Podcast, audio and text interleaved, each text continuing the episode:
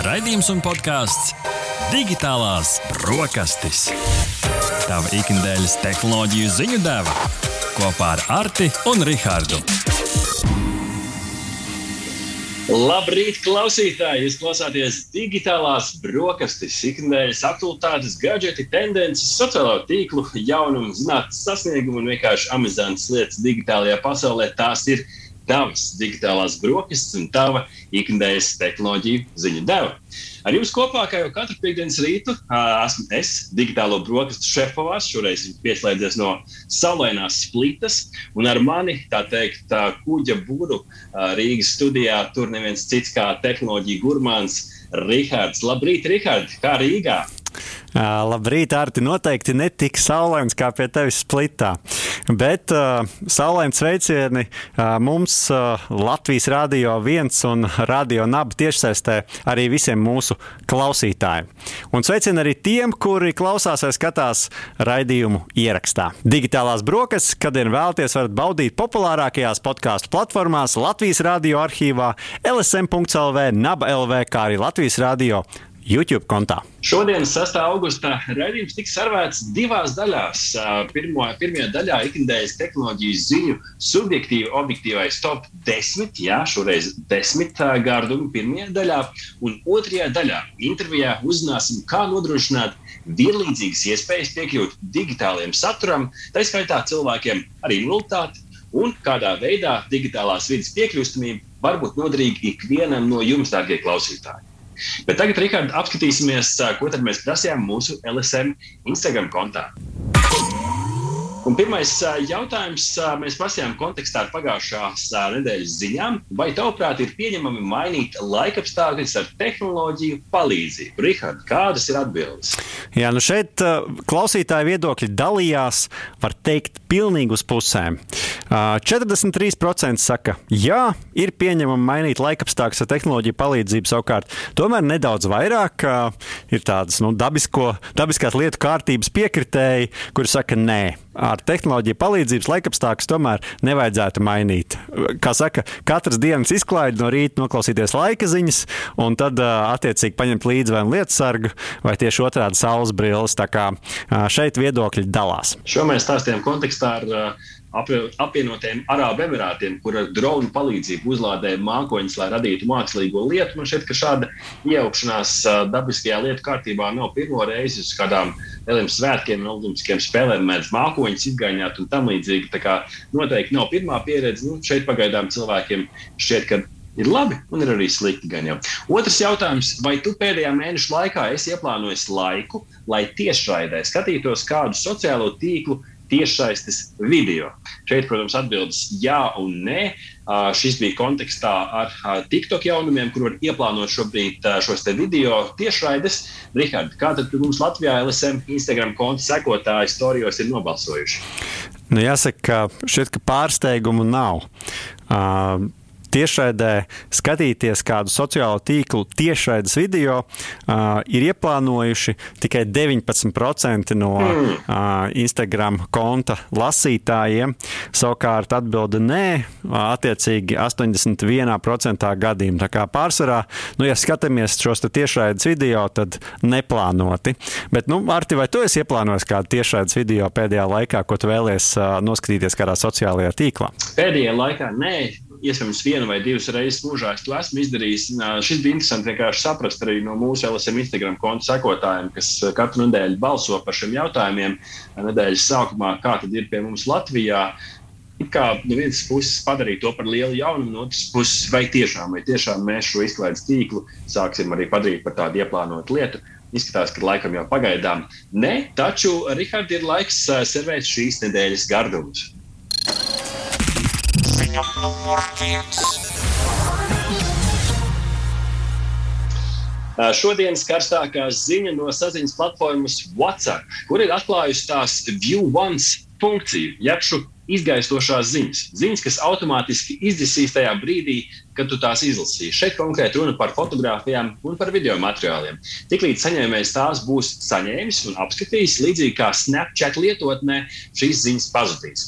Attēli nesaglabāsies arī telefona galerijā, kā tas parasti notiek ar WhatsApp ziņām, kurās ir multimediālie faili. Izgaistošo attēlu un video sūtīšana būs pavisam vienkārša. Tajā brīdī, kad būsiet izvēlējies attēlu vai video, ko vēlaties nosūtīt, tad pa kreisi no sūtīšanas podziņas, un šeit tiešām esat uzmanīgi ar tiem lieliem pirkstiņiem, ka jūs neuzspiežat sūtīt. Pa kreisi no sūtīt būs tāds mazs vieninieciņš, kas nozīmē, ieraudzīt vienreiz. Uzspiežot šo nospiežot send, šī ziņa aizies kā vienreiz lasāmā, ja vienreiz skatāmā ziņa. Taču nesapriecājieties par daudz. Šī uh, konkrētā funkcionalitāte neizslēdz screenshot funkciju telefonā vai pat datorā. Līdz ar to lietas, ko jūs nevēlaties, lai citi ierauga, labāk arī nesūtām WhatsApp. Uh, stāstot par šo uh, funkcionalitāti, WhatsApp uh, pārsvarā izmanto uh, piemēru par Wi-Fi paroļu sūtīšanu vai tam līdzīgu. No nu, vienas puses, it kā netik sensitīvu lietu sūtīšanu, taču no otras puses vienmēr domājam līdzi, ko jūs sūtāt. Rihard, man jautājums tev, kas ir pēdējā laikā bijusi lieta, ko tu gribēji kādam aizsūtīt tikai vienreiz? Godīgi sakot, es tā līdz galam neesmu sapratis šīs vienreizes sūtīšanas uh, burvību. Nu, varbūt tiešām, ja es būtu uzrakstījis kādu savu dzējoli, lai apsveiktu kādu labu draugu dzimšanas dienā, nu, iespējams, ka es gribētu, lai viņš tā teikt, vienreiz izlasa, un tad tas, kā saka, aiziet nebūtībā, bet no otras puses, nu, ir taču forši kādreiz arī paskatīties to ziņu vēsturi, un tur var atrast gan ļoti noderīgas lietas, gan tādas uh, jautras lietas, gan visu ko citu. Tā kā, nu, katrā ziņā noteikti ir cilvēki, kas šo izmanto, neba, neba tas uh, sociālais tīkls arī Snapchat ir gan populārs, bet, nu, attiecīgi redzam, ka WhatsApp arī ir, ir šādu, te, šādu te funkcionalitāti ieviesis. Ziņa numur divi. Kā raksta lapsoflatvija.com, Rīgas satiksme sabiedriskā transporta pasažieriem nākotnē būs iespēja iegādāties biļetes dažādās lietotnēs. Kodu biļete būs pieejama iegādēji gan Rīgas satiksmes lietotnē, gan citās izplatītāju lietotnēs. Jaunā koda biļete paplašinās esošo Rīgas satiksmes biļešu klāstu un ļaus sabiedriskajā transportā klientiem veikt norēķinus par braucieniem ar vietālu un tiešsaistes režīmā. Koda biļete darbosies paralēli esošajai e-talonu sistēmai. Iekāpjot transporta līdzeklī, biļeti būs jāaktivizē skenējot QR kodu, kas būs izvietots vairākās vietās transporta, transporta līdzekļa salonā un būs katram transporta līdzeklim atšķirīgs. Gadījumā, ja transportā iekāps kontrolieris, pasažieris lietotnē varēs uzrādīt kontrolierim aktivizēto biļeti. Nu, tāda jaunuma Rīgas satiksmē. Es tik ļoti gaidu šo iespēju. Man pēdējā laikā, godīgi sakot, mazāk braucu ar sabiedrisko transportu, izmantoju citus pārvietošanās līdzekļus. Taču tajā brīdī, kad vajag, un nav blakus atvērts vai arī pieejams šis kiosks, kurā iegādāties šo etalonu, tad, protams, var iet arī pie šofera. Bet nu, tas īsti nav tas, nav dzētāk būt, ja mēs varētu vienkārši izvilkt savu vietā un nopīkstināt tāpat kā veikalā, piemēram, pārkot pienu un maizi un vienkārši doties savā ikdienas gaitās. Es patiešām ceru, ka šis būs pieejams. Un tas, par ko man Rihards visvairāk ir prieks, ka viņi to taisa kā tādu atvērtu risinājumu, kas nozīmē, ka ir iespējams citas jau lietotnes, kuras mēs izmantojam priekš biļetēm, priekš pasūtījumiem, tam līdzīgi arī tajās šī iespēja būs pieejama. Tā kā īkšķis augšā par ērtāku lietošanu. Ziņa numur 3. Ziņa numur trīs ceļojam uz tālo Ķīnu, kur tās tehnoloģija uzņēmums Oppo ir paziņojis par tās jaunāko zem ekrāna selfiju kameras risinājumu, apgalvojot, ka tā ļaus novietot selfiju kameru zem ekrāna, nesamazinot un nekompromitējot ekrānu un bilžu kvalitāti. Pirmajā mēģinājumā, par ko mēs kādu laiku atpakaļ digitālajās brokastīs stāstījām, Oppo samazināja pikseļu daudzumu virs kameras, lai ļautu gaismai plūst cauri ekrānam uz kameru. Šoreiz Oppo izmanto daudz mazākus pikseļus, lai saglabātu to pašu 400 pikseli uz vienu colu proporciju, jeb 400 ppi. Uh, un šis ekrāns kopumā izskatītos tāpat kā pārējais OLED ekrāna panelis. Tā viena mazā nianses, kas, kas bija slikta pagājušajā, bija ka pie atšķirīgām krāsu, uh, krāsu foniem bija redzams tāds mazs kvadrātiņš ekšā ekrāna augšpusē, kur šī kamera bija aizmugurē paslēpta. Un tāpat arī kaut kādu uh, specifisku uh, tekstu gadījumā, ja teksts gāja pāri kamerai, tad fotografijā šis bija redzams. Nu, Oppo vizuālajos piemēros ir atrādīts, kā tieši izskatās šis teksts uz baltā fona, kas ir, kur viss izskatās no vienas puses ļoti labi, un arī uzņēmuši vienu selfiju, kas gan ir uzņemts ideālā gaismā un dažādās citās ideālos leņķos, kas padara šo fotografiju daudz pievilcīgāku. Līdz ar to man šeit, Rihard, tā pa īstam par šo nāksies spriest tikai tad, kad telefons būs tirgu pieejams. Taču cik ļoti tevi kaitina šis te izgriezums vai aplīts telefona ekrānā, kurā cilvēka pusē tu esi, tev tas kaitina, vai tu palielam nepamāki? Es teiktu, tā, ka man ir būtiska uh, kvalitāte, un šajā gadījumā man ir būtiska tā kameras kvalitāte. Līdz ar to es teiktu, ka esmu gatavs upurēt nedaudz to ekrāna uh, platību, un arī šo te iespējams pat uh, nu, to, uh, upurēt to, ka uh, kaut kāda neliela daļa no mana ekrāna aizņem šī kamera. Man šķiet, ka uh, šo būs pavisam interesanti notestēt. Kā, ja mums klausās kāds no OPO pārstāvjiem, mēs digitālās brokastis esam atvērti testam. Pārcēlamies uz uh, nākamo sociālo tīklu. Video platforma YouTube agresīvi strādā pie īsā satura, jeb YouTube shorts popularitātes veicināšanas. Kopš shorts ir pieejams vairāk nekā simts pasaules valstīs, tā skaitā arī Latvijā, YouTube satura veidotājiem piedāvās naudas balvas no 100 līdz 10 tūkstošiem ASV dolāru katru mēnesi. Kurš šīs naudas balvas saņems? Video autori, kuri spēs radīt oriģinālu saturu, kas izpelnīsies daudz skatījumus un sasniegt citus miedarbības rādītājus. Un par to mums stāsta tekstpat.com. Satura veidotāji, kuri atbildīs virknē nosacījumu katru mēnešu otrajā nedēļā caur YouTube lietotni, saņems paziņojumus par iegūto finansējumu. Video veidotājiem pirmkārt būs jābūt vismaz 13 gadus veciem un ar uzstādītu AdSense kontu.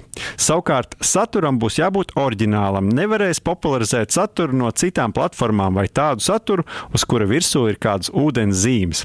Šobrīd Latvijā vēl šī samaksas programma nav pieejama, taču tas varētu būt iespējams iespējams programmas lokam paplašinoties. Arī citas platformas piedāvā līdzīgus labumus. Piemēram, Facebook ir 1 miljardu ASV dolāru liela programma Facebook un Instagram satura veidotājiem.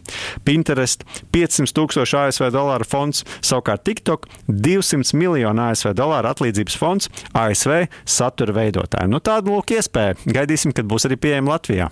No vienas puses jau šeit, oh, bezmaksas nauda, bet tajā brīdī, kad tu sāc šo saturu veidot un kad tev tas ir jārada pietiekami garšīgs, lai to laikot, lai to skatītos, tad patiesībā tu sāc saprast, ka tur ir apslēpts diezgan, diezgan liels darbs. Tā kā no vienas puses, tiem, kas ir gatavi un kaut kādā veidā var piekļūt šim parametriem, lai jūs kvalificētos atalgojumam, noteikti ir vērts izmēģināt, kā vēl labāk, ja ne tagad. Ziņa numur 5.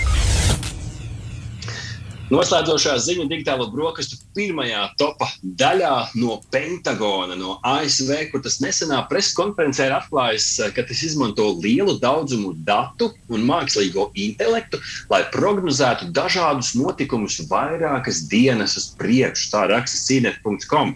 Šeit nedaudz Rihards Dārcis atmiņā kaut kādu Minority Report filmu scenāriju, kur paredzēja noziegums, un tad noziedzniekus noķēra pirms viņi izdalījuši kādu letālu gadījumu.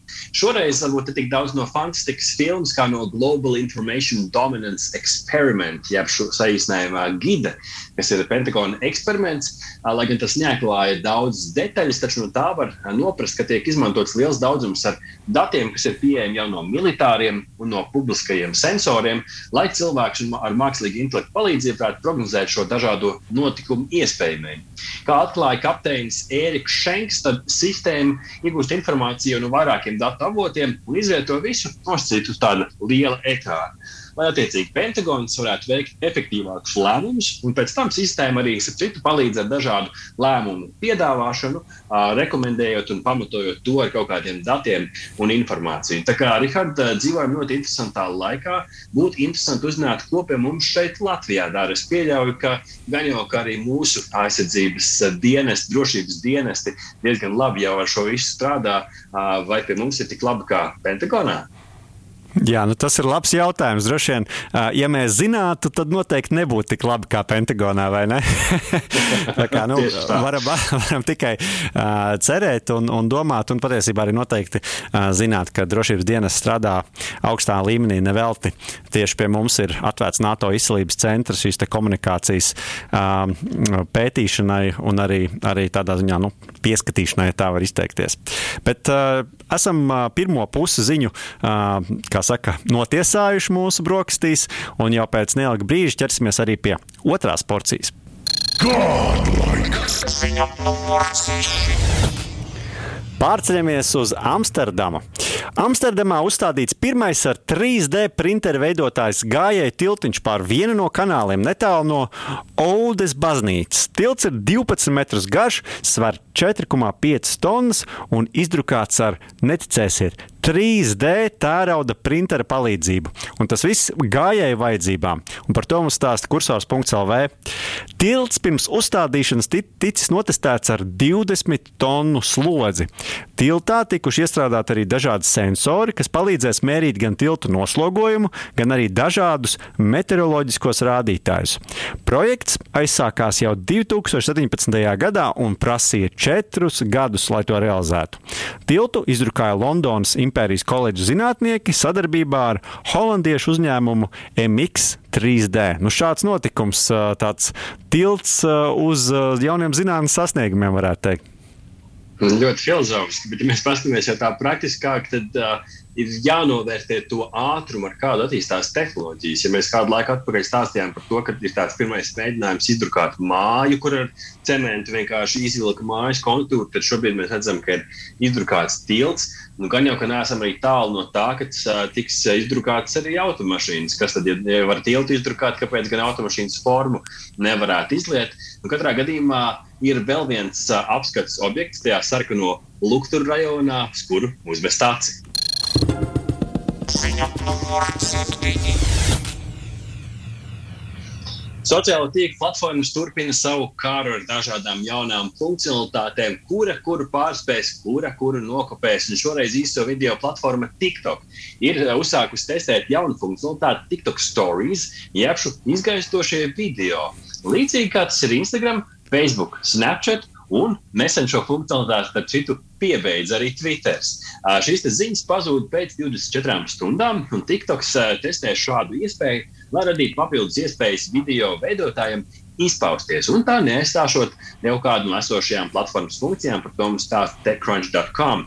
Šī iespēja šobrīd pāris dienas ir pieejama tādam ļoti ierobežotam eh, testētāju lokam, un nav vēl zināms, vai šī funkcionalitāte pavisam tiks ieviesta platformā.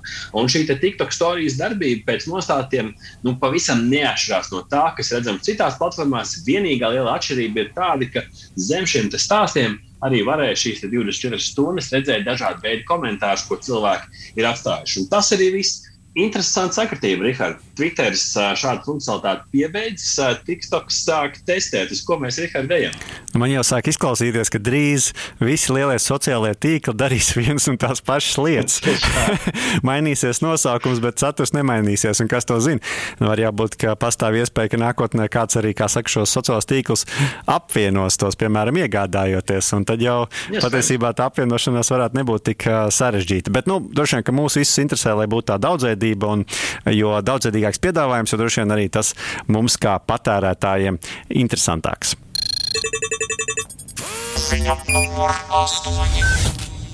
Tehnoloģija uzņēmums Amazon atrādīs tā jaunāko gudro ierīci - ziepju dozatoru. Jaunais dozators seko līdzi roku mazgāšanas procesam un paziņo, kad apritējuši 20 sekundes, lai cilvēks zinātu, ka ir pietiekami ilgi mazgājis rokas.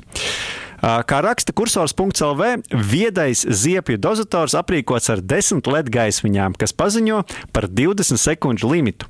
Ierīci iespējams savienot ar Amazon Echo skaļruni, lai aktivizētu balss asistentu Alexa, kas izklaidē cilvēku roku mazgāšanas laikā. Pašā dozatorā gan nav iebūvēts ne mikrofons, ne skaļrunis. Nu, tādi, tādi jaunumi. Vai tu ar seko līdzi, cik ilgi tu mazgā rokas? es to daru. Es vienkārši no Covid laikiem iegaumējos dažādos roku mazgāšanas nu, pareizos risinājumus apkārt īkšķītiem, starpiņās un tam līdzīgi. Bet es smējos, es smējos, jo es domāju, kurš šo te pirkstu, tā kā tev vajag kādu, kas tev izklaidē, nu, palas kāds anekdots tā laikā. Kas varētu, Rikard, būt nākamais, kam varētu piešķirt viedumu? Nu, ķemme, kura saka, ka ir blaugis, vai arī dezorants, kur, kur tu ieliec padusē, viņš pasaka, vai tev paduses sniedz, un varbūt drīzāk jāaiziet nomazgāties. Kur vēl tālāk? Es domāju, ka radošumam nav robežu, un uh, mēs jau esam runājuši par tā saucamo Internet of Things, jeb lietu internetu, kas kļūst uh, nu, ar vien, ar vien populārāks un arī nonāk šeit līdz uh, mūsu platuma grādiem šeit Latvijā. Un, attiecīgi, tad es domāju, ka mēs ar vien vairāk dzirdēsim arī par dažādiem šādu Internet of Things, jeb lietu interneta risinājumiem tepat pie mums. Kit? Kit, talk to me.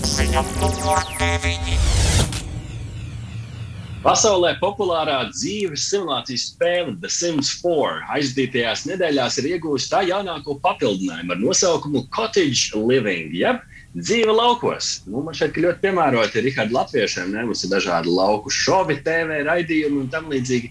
Nu, varēsim arī padzināt tās vistiņas digitāli. Jaunais papildinājums piedāvā izbaudīt lauku dzīvi Hanford un Beiglī pilsētiņā, kas pēc savu stila atgādina apvienotās karalistes kalnaino apvidu un mazās lauku būdītes. Par to raksta Kotaku.com. Spēlētāji līdz ar jauno papildinājumu varēs audzēt vistas, govis, pat lamas, kas ir neoficiāls tās spēles talismans. Lai gan lauksaimniecības elementi šur tur spēlē bija pieejami arī pirms tam, papildinājums ļauj izaudzēt milzīgu izmēru labību, ķirbjus un tam līdzīgas labumus, kurus pēc tam, starp citu, var arī pieteikt vietējā pilsētiņas gada tirgus konkursā un dabūt vērtīgas balvas. Protams, līdz ar papildinājumu spēlētāji var baudīt jaunas iespējas gan būvēšanas režīmā, jaunas frizūras, apģērbus, tetovējumus un citus attribūtus. Uh, lai padarītu uh, spēli daudz interesantāku, ir ieviest arī specifiski izaicinājumi spēlētājiem, kas ir piesaistīti konkrētai atrašanās vietai spēlēt. Tā kā Rihards, jauni veidi, kā uh, pamocīt un beigās piebeigt savus uh, mazos simts uh, cilvēciņus. Jā, nu katrā ziņā šis te uh, farming simulator, jeb uh, fermas simulators ir gana populārs bijis arī, arī citās, nu, tā teikt, gan lietotnēs, gan spēlēs, un tad nav pārsteigums, kad arī Sims šo izmanto. Bet mēs turpinam ar spēlēm. Ziņa numur desmit. Noslēdzoties otrajam gada ceturksnim, uzņēmums Take-Two Interactive, kuram pieder Rockstar Games, jeb Grand Theft Auto veidotāji, publicēja savus finansiālos rādītājus. GTA 5 turpina uzstādīt rekordus aizvadītajā ceturksnī, pārdodot vairāk kā 150 miljonu spēles kopiju, kas kopumā padara GTA 5 par vienu no visu laiku pirktākajām video spēlēm ar 350, 350 miljoniem pārdot spēļu kopiju. Par to mums stāsta tekstpat.com. Neskatoties uz to, ka spēle oriģināli iznāca 2013. gadā, tā regulāri saņem tās tiešsaites uh, daudz spēlētāju versijas papildinājumus, kas atkal un atkal piesaista spēlē jaunus spēlētājus un pievilina vecos. Pēdējais no atjauninājumiem iepriecināja automašīnu cienītājus, jo piedāvāja gan saturu, gan spēles misijas, kas līdzinās filmas Fast and Furious franšīzē. Diemžēl tā arī ziņojumā nebija nemiņas no ilgaidītās GTA 6 spēles versijas. Nu, atcerieties, Arti, mēs arī sadarējām tieši par GTA, GTA 6, vai šogad iznāks vai neiznāks. Un tad jau redzēs, vai tad būs vai nebūs. Bet interesanti, ka šobrīd pārdotākā spēles tronī sēž spēle Minecraft, kurai ir aptuveni 400 miljonu pārdotu spēļu kopiju. Nu, tā kā uh, GTA 5 vēl ir kur augt. Bet tas, ka ir labi finanšu rādītāji, nozīmē, ka iespējams tas GTA 6 tik drīz nemaz neparādīsies, vai ne? Es domāju, ka viņiem nav nekāda motivācija to darīt. Cilvēki tik tērē un tērē arī īstās dzīves naudu, pat tie, kas jau ir iegādājušies pērk dažādas šīs naudi, spēles, naudiņas, kartiņas, jo iznāk jauns saturs, vajag tā jaunāko vāģi, to jaunāko garāžu, kurā to vāģi uzķūnēt. Tā kā es domāju, ka šie rādītāji tikai liecina par jaunu trendu, par ko arī patiesībā liecina The Sims 4 papildinājums, jo projām 4. 105. vēl vismaz nav pie apāšana. Tā kā kaut kādā ziņā trends iezīmējās. Jā, nu tāds bija mūsu uh, ziņu top 10, un uh, pēc muzikālās pauzes atgriezīsimies jau ar interviju par uh, interneta piekļūstamību. Hmm. Hmm. Ko liksim uz kārā zoba? digitālo brokastu saldais ēdiens. Labrīt, klausītāji! Sveicam jūs atpakaļ pie digitālo brokastu galda. Un jā, mēs turpinām ar saldo ēdienu. Šobrīd ir diezgan grūti iedomāties savu ikdienu bez informācijas iegūšanas vai apmaiņas digitālajā vidē. Plaši to izmantojam izglītībā, nodarbinātībā, veselības aprūpē, valsts pārvaldē un arī, protams, daudz kur citur. Tāpēc īpaši nozīmīgi, lai šie resursi būtu pieejami ikvienam no mums. Ikdienā iespējams nemaz neaizdomājamies, cik sarežģīti varētu būt, piemēram, surfot internetā bez datorpēles, izmantojot tikai klaviatūru. Digitālās vidas piekļūstamība ir svarīga ikvienam, jo katrs varam nonākt situācijā, kurā esam apgrūtināti izmantot digitālās vidas iespējas. Un uh, par digitālās vidas piekļūstamību šodien jautāsim mūsu, um, mūsu šīsdienas viesiem. Un ar mums kopā ir Pēters Jurčenko, kurš ir piekļūstamības, uh, lietojamības un UX, jeb User Experience eksperts, un arī SIA Turn Digital vadītājs. Sveiks, Pēter! Sveiki, Rihards, sveiki, Arti! Un raidījuma otrajā daļā mums pievieno, pievienosies Anastasija. Proskurjakova, kura ikdienā izmanto piekļūstamības sniegtās iespējas un arī tās neesamības radītos ierobežojumus. Tā kā ar Anastasiju aprunāsimies jau raidījuma intervijas otrajā daļā. Bet nu ķersimies klāt pie jautājumiem. Jā, Pēter, eh, prieks tev atkal redzēt šeit pie digitālo brokastu galda. Šoreiz parunāsim par piekļūstamību. Varbūt tu vari gan man, Rihardam, un arī klausītājiem tā pavisam vienkārši izstāstīt un atbildēt uz jautājumu, kas ir piekļūstamība un kāpēc par to vajadzētu interesēties un kāpēc tā vajadzētu rūpēt arī cilvēkiem, kuriem iespējams nav dažādi uh, izaicinājumi lietojot digitālās ierīces un internetu. Um, piekļūstamība ir pieeja Tā ir pieeja, ar kuras palīdzību mēs padarām kādu digitālu produktu vai pakalpojumu pieejamu iespējami lielākam cilvēku lokam. Uh, mēs padarām saturu uh, nu, saprotamu un lietojamu visiem cilvēkiem. Un tradicionāli tika uztverts, ka tas ir domāts cilvēkiem ar invaliditāti. Bet realitātē to lieto daudz, daudz lielāks, tās sniegtās iespējas lietot daudz lielāks uh, cilvēku skaits. Piemēram, ir klasisks piemērs ar uzbrauktuvēm pie Luksafora, kur sākotnēji ir domāts cilvēkiem ratiņkrēslā, bet, ja jūs paskatīsieties apstā, pie Luksafora, stāvēsiet tur un paskatīsiet, kas to lieto, īstenībā tie būs uh, vecāki ar bērnu ratiņiem, tie būs riteņbraucēji braucēji, skrituļslidotāji, turisti ar čemodāniem un omītes ar, ar, ar, ar savām somiņām. Tā kā um, lietiņa ir viena domāta. Um, Varbūt sākotnēji cilvēkiem ar invaliditāti, bet beigās labumu no tā gūst visi. Tāpat ir arī digitālajā vidē uh, klasiski tur subtitri ir domāti cilvēkiem, kuri nedzird uh, pir, pirmotnēji, bet ikdienā mēs lietojam, ja mums nav austiņas vai mēs nevaram ieslēgt skaņu, tad mēs varam saprast, kas tajā video ir arī uh, nu, cilvēki, kuriem ar dzirdi viss kārtībā. Un arī, ja, piemēram, šis, manuprāt, ir ļoti labs piemērs, Rihard, vai ne? Kad uh, mēs stāvam autobusā un braucam, un nevaram ieslēgt varbūt, to skaļru, un nav tās austiņas. Tad, ja nav, ja nav subtitri, tad mēs parasti tur video ar Rihardu nemaz neskatāmies. Ne? Jā, un arī, ja mēs nesaprotam angļu valodu, piemēram, tik labi, kā mēs varētu gribēt, tad ir lieliski, ka varam lasīt arī subtitrus un reizē klausīties, un arī tas mums palīdz uh, labāk saprast uh, šo visu. Tā kā tik daudz uh, piemēru, kur uh, nu, šīs lietas tiešām noder ikvienam no mums. Bet, Pēter, varbūt tu vari pastāstīt, pastāstīt, kā tu nonāci līdz, līdz tam, ka piekļūstamība ir viena no tavām profesionālajām kaislībām? Es nodarbojos ar digitālo dizainu un lietojamību. Man um, ļoti aizrāva taisīt um, saskarnes, jeb nu, kaut kādas kā, dizainu priekš cilvēkiem. Un tad es sapratu, ka manam darbam ir nozīme, ka es ar, ar to, ja es izdaru savu darbu labi, tad kādam cilvēkam tas ļoti palīdz. Un, ja es izdaru savu darbu slikti, tad kādu tas var nu, izstumt vai neļaut viņam lietot pakalpojumu. Uh, un tas, ko vienā brīdī sapratu, arī, ka varbūt es nemaz nedomāju, negribu neko sliktu izdarīt, vai es vienkārši kaut kādas lietas nezinu, bet es nogriežu uh, noteiktiem cilvēkiem iespēju saņemt pakalpojumu, vienkārši par to neaizdomājoties. Un tad uh, vēl viens virziens bija, ka es saprotu, ka ar vien um, lielāks cilvēku skaits ir vecāki cilvēki, paliek, kuriem, bet viņiem tie digitālie pakalpojumi ir jālieto. Un viņi varbūt nav tik veikli ar to datoru, un tad es sāku pētīt, vai ir kaut kādas pieejas, kā kā, kā dizainēt, lai viņiem viss ir skaidrs. Es sapratu, ka tā digitālās vidas piekļūstamība, jeb angļuiski accessibility, ir virziens, jeb nu, tā, tā kvalitātes uh, lietu kopums, uh, kas ļauj taisīt uh, digitālus produktus, pieejamus, saprotamus ikvienam. Kur mēs vispār, Pēter, šobrīd esam Latvijā? Kā tu novēr, novērtētu mūsu Latvijas līmeni, varbūt uz tādu Eiropas un pasaules kontekstu runājam par uh, interneta vietņu uh, piekļūstamību?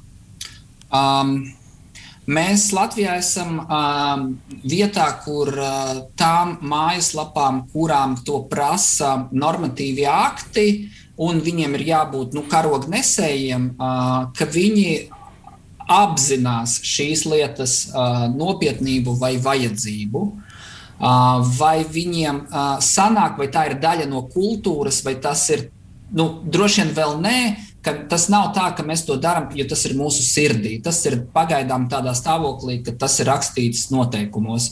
Um, kaut kāda daļa cilvēku jau pavelkās, un tas ir, tas ir labi. Um, noteikti tā nav noraidoša attieksme, kas arī ir, ir forši. Neviens kā, kāpēc tas ir svarīgi, bet um, cilvēki varbūt neapzinās riskus, um, jo klasiskais stāsts ir tāds, ka cilvēki domā, ah, nu kas tad būs, ja mēs no, neievērosim digitālās vietas, nu, tās prasības. Uh, vai mūs var iesūdzēt tiesā. Nu, neviens jau nesūdzēs tiesā par to, ka jūsu video nav subtitru. Ja tiesā sūdzēs, tad sūdzēs par diskrimināciju, ka, piemēram, ja kaut kādu pakalpojumu nav iespējams saņemt cilvēkam viņa invaliditātes dēļ, un tagad ļoti daudz pakalpojumu ir tikai digitāli, tad tur var nu, dabūt to, to stāstu par diskrimināciju. Un otra lieta, nu, tas arī nu, ir, ir labi darīt, ka, ka tev viss sanāk, bet ja kaut kāda cilvēka sūdzās, ka, ka viņam tas nesanāk, tad tas ir arī slikts PR uzņēmumam. Jā, no vienas puses žēl, ka šo attīstību virza tieši tiesu darbi, vai ne? Nevis varbūt tāda mūsu visu kopīga kopīgā vēlme padarīt digitālo saturu piekļūstam. Bet gribēju vaicāt, Pēterī, mēs jau ieskicējām, bet nu, kāda ir piekļūstama digitālā vide? Nu, kā varam nodrošināties, ka ierobežotas redzes, dzirdes, kustība vai uztveres gadījumā tomēr varēsim iegūt nepieciešamo informāciju? Um, tas ir ļoti labs jautājums, jo parasti cilvēki grib šo dzirdēt kaut kādas tādas receptes un kaut kādas tehniskas lietas, bet atbilde ir ļoti vienkārša. Tas ir labi strukturēts saturs.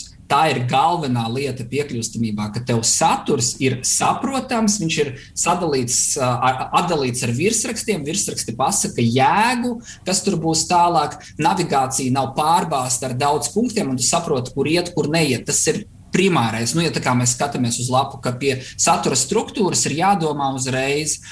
Un, um, Um, otrs, aizdomāties, ka vienu un to pašu saturu iespējams cilvēkam vajadzētu spēt iegūt vairākos veidos.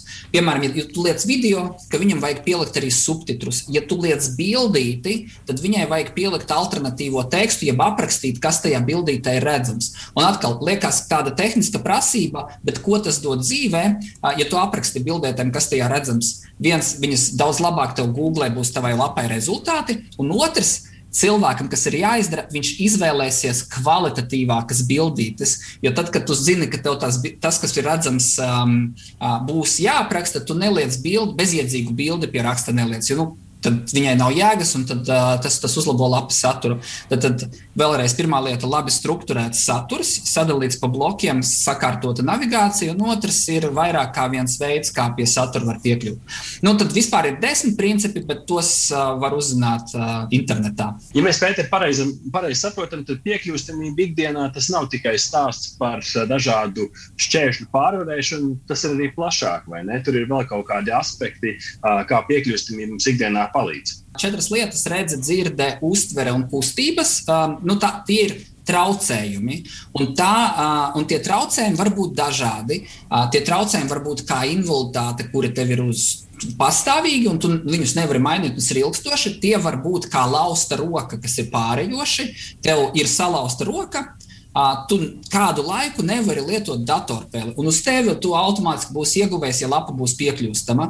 Un ir apstākļu radīti traucējumi, kaut kāda dzirdes kustības. Un tas, ko jūs pieminējat, piemēram, braucot sabiedriskajā transportā, nevar lietot skaņu, tas ir apstākļu radīts dzirdes traucējums. Um, ieskrēja vilcienā riteni steigā vajag nopirkt biļeti, tas ir uztveres apstākļu radīts traucējums un kustību traucējums, jo tev rokas ir aizņemtas. Tā kā, šis ir, šis ir, šī ir, šī, šī, šāds ir tas dalījums. Jā, bet tieši šajā brīdī klausītāji mums ir pievienojusies uh, Anastasija Proskurjakova, kura uh, ikdienā izmanto piekļūstamības sniegtās iespējas un, protams, arī uh, tās neesmības radītos uh, ierobežojumus. Uh, sveika, Anastasija! Sveiki! Man ļoti patīk jūsu teikums par tās nesamības radītos ierobežojumus. Tas labi izklausās. jā, arī tas ir jālieto. Jā, gribēju uzreiz vaicāt, cik nozīmīga tev ir digitālās vidas piekļūstamība un kā tā palīdz tieši tev?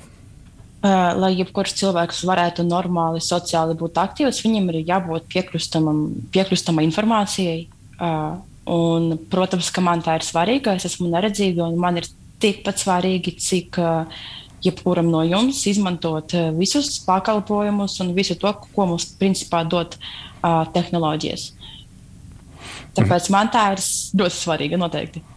Jā. Varbūt, lai cilvēki varētu labāk iztēloties, nu, ir grūti iekāpt kādu citu cilvēku kurpēs un varbūt sajust tās sajūtas, kas ir varbūt tās biežākās lietas, kur nu, tev un tā cilvēka valoda runāt, gribās lamāties tajā brīdī, kad esi pieslēgusies pie kādas internetu lapas vai lieto kādu programmu. Kas varbūt ir tās biežākās lietas, ar ko tu saskaries, kur tev nu, jāsaka duri uz galda un jāsaka, ka sakārtojiet šo?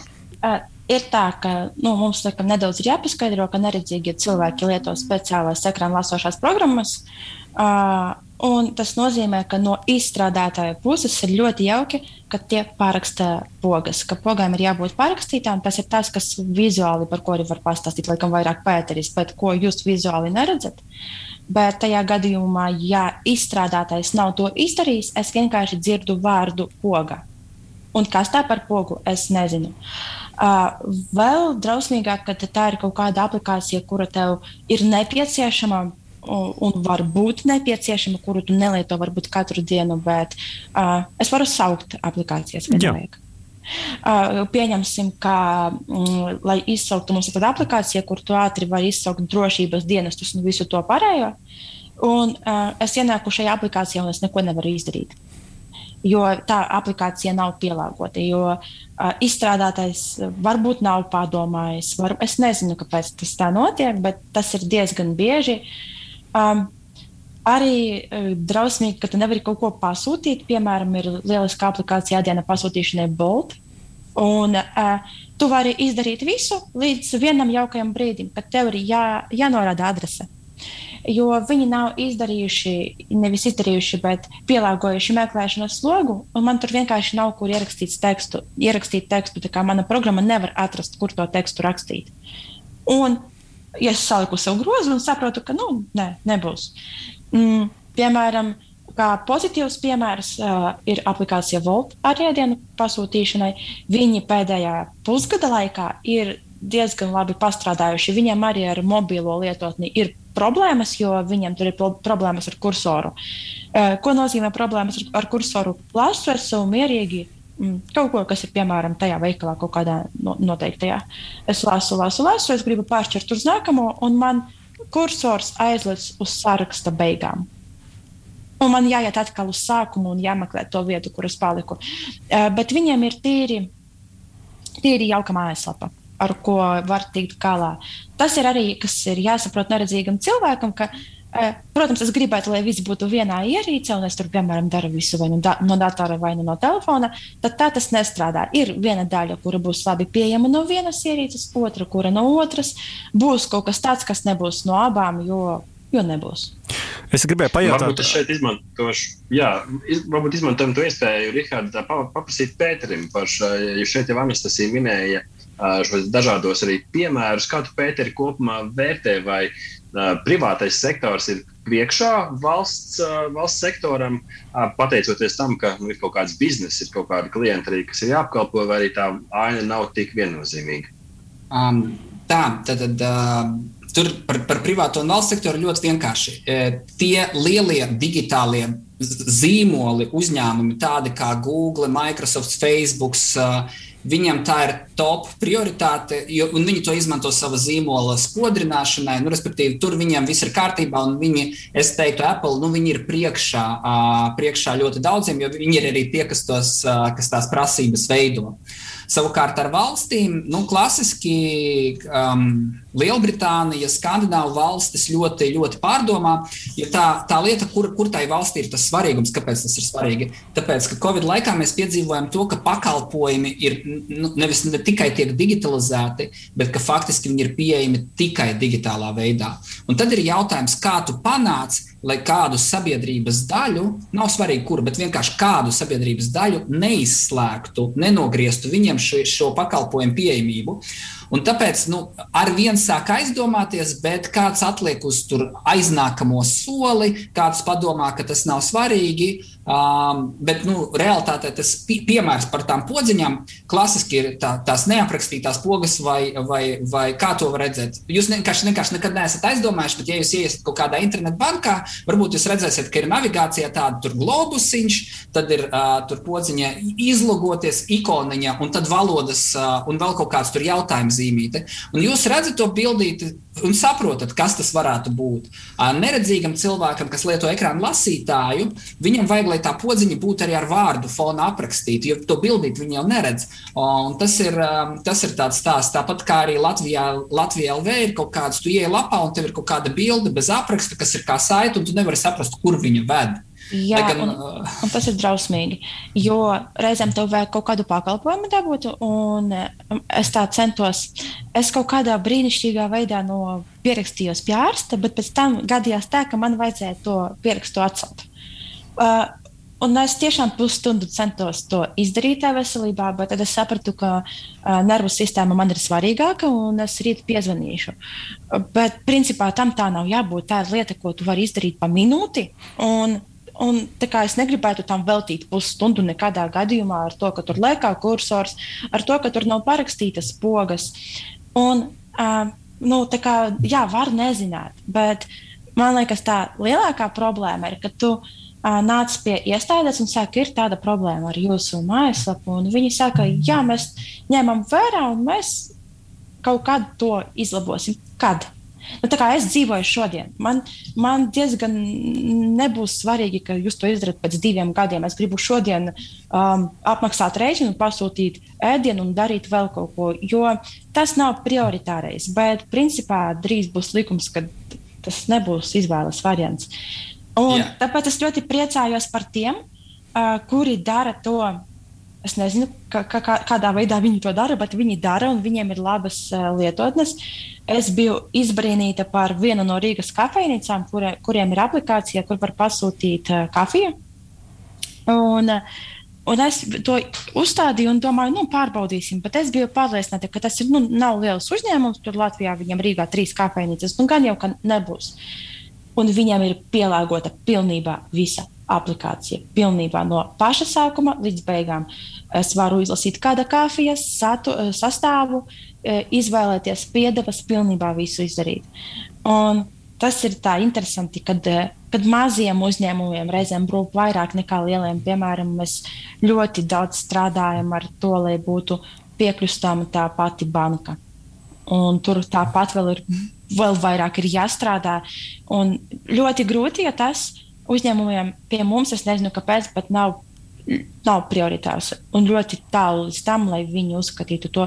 Tas ir tā, nu, mums palika laiks, laikam, tāpēc mēs to darām. Vismaz es tagad to, to jūtu. Varbūt Pēteris pateiks, ka viss strādā. Es nezinu. Es, es gribu pateikt par ekonomisko apstākļu, ko Anastasija ļoti labi pieminēja par to zvanīšanu. Ja tev ir uztaisīts digitālais produkts, tad ir super, ka cilvēks, re, kur uh, Anastasija stāstīja, ka viņa sāka, nu, ka cilvēki jau parasti sāk un mēģina izdarīt to mājaslapā.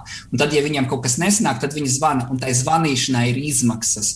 Apkalpot telefonu zvanu valstī, tam ir izmaksas. Un, ja tu to vari atrisināt mājaslapā, kad cilvēks neuzvana, tad tas ir viens no ekonomiskajiem ieguvumiem. Otrs, nu, tas pirkums beigās, nu, vai nu tas ēdiens tiek nopirkts, vai nu netiek nopirkts pie tevis, ja, ja tev viss līdz galam sakārtots. Un trešais par to, ka a, rodās ar vien vairāk jaunas platformas, nu, veidi, kā šīs problēmas atrisināt. Ir, piemēram, tīmekļa vienotā platforma, kur valsts, a, valsts veido, lai visām valsts iestādēm būtu sakārtotas lapas. Nu, tur gan ir, ir liels risks, ja viņa būs nepareiza, tad visiem būs nepareiza, bet ja viņa tiek uztaisīta labi, tad nu, visiem ir iegūms. Un otrs, mēs taisam tagad priekš Latvijas skolām platformu, kur Latvijas skolas var tikt pie saprotamas un piekļūstamas mājaslapas ikviena, lai viņiem tā, to, to lietu un dzīvi atvieglotu. Piemēram, viens no tādiem jaukiem pārsteigumiem bija uh, pieraksts uz vakcīnu, bet tur nebija problēma. Mājaslapā tāds jēga. Uh, tā kā tas nostrādā vismaz kādreiz. Un bet... par pierakstu uz vakcīnas arī varu teikt, ka viņiem tas rūpēja, tas viņiem bija svarīgi. Nu, mēs taisījām piekļūstamības testus, organizējām tā, kā, tā, tā, tā lapa bija notestēta, lai šis strādātu. Jo tas, tas bija svarīgi, lai neizslēgtu kādu grupu. Man šķiet, ka šeit uh, ir svarīgi, lai um, uh, katrs uh, gan uzņēmums, īpaši labi, ja tas nav, pat biznesam būtu jauki, bet ja mēs runājam par valsts uzņēmumiem, par bankām, tad man šķiet, ka ir svarīgi, lai viņi saprastu, ka tas nav jautājums, vai mēs gribam sev tādus klientus. Un, ja jūs gadījumā negribat pielāgot mājaslapu, no, tad es uzskatu, ka jūs sakat, ka tu mums kā klients nesi vajadzīgs. Un, ja mēs runājam par tādiem pakalpojumiem, kur ir e, nepieciešami, es uzskatu, ka bankas pakalpojums ir vai nu, arī veselības pakalpojumi viens no dzīves nepieciešamākajiem, nu, nepieciešamākajiem pakalpojumiem tā, tā ir diskriminācija vienkārši, jūs izslēdzat mūs no šāda pakalpojuma saņemšanas spektra. Es pavisam īsi pajautāšu Pēterim, varbūt arī noslēdzot to interviju. Uh, ja es esmu mājaslapas turētājs vai lietotnes uh, veidotājs, nu cik sarežģīti man ir padomāt par, par uh, šīm lietām un, un kā saka, lai tā mana, mans piedāvātais digitālais pakalpojums būtu tiešām visiem piekļūstams? Kopā ar Valsts reģionālo attīstības ministriju mēs veidojam, adaptējam vienas vadlīnijas, desmit vienkārši punkti, kā var pārbaudīt savu lapu. Tad, tad piekļūstamība.varam.go.lv ir, ir ļoti centāmies paskaidrot tā, lai jebkurš cilvēks ar piemēriem varētu to savu lapu pārbaudīt. Tas pamatā tika veidots priekš valsts iestādēm, bet privātais sektors arī tas ir tas pamats, ar kuru varētu sākt. Um, nu, sarežģīti, zināmā kā tas, nu, ir sarežģīti. Nu, ir jāiedziļinās bišku, bet noteikti tas nav tā, ka tur vajag super, super tehnoloģiskas zināšanas. Nē, te ir tādi tā kā, rīki priekš pārlūka, kurus tu uzliec, un viņi tev parasti parāda, kur tev, kurā vietiņā, bet tas nav viens rīks, tas nav tas automatizētais tests, kur viss uzreiz reizē, bet katrai lietiņai ir kaut kāda sava rīka, kur tu vari paskatīties, kur tev vajag bišku, bišku uzlabot. Tas ir, tas, tas ir par to pieeju. Un, ja vispār interesē informācija, tad piekļūstamība LV vai digitālās vidas piekļūstamība Facebook. Mēs esam latviešu valodā, cenšamies radīt to saturu interesantu tieši latviešu, jo angliski ir ļoti daudz vietu. Tieši latviešu ir šobrīd maz, un mēs cenšamies latviešu par to stāstīt. Jā, nu jāsaka milzīgs paldies gan uh, Pēterim, gan Anastasijai par šīs dienas sarunu. Es domāju, ka mums klausījās arī daudz cilvēku, kuru tomēr pāraudzībā ir vai nu internetu vietnes, vai arī šīs lietotnes. Un nosaucām mēs dažus, kur varbūt nav tie veiksmīgākie, bet gan jau katrs pats zina, cik viņš to mājaslapu ir piekļūstamu izveidojis. Un nav tik sarežģīti aiziet uz uh, Pētera pieminēto varam, uh, varam koordinēto lapu un apskatīties to testu, vai man lapa ir vai nav piekļūstama atbalstam, un tad jau spērt tos nākamos soļus, lai, lai tomēr um, digitālais saturs un pakalpojumi būtu pieejami pilnīgi visiem. Tātad vēlreiz paldies Pēterim Jurčenko un arī Anastasijai uh, Proskurjakovai par dalību šīs dienas sarunā, uh, un uh, tiešām ceram uz piekļūstam digitālo vidi nākotnē.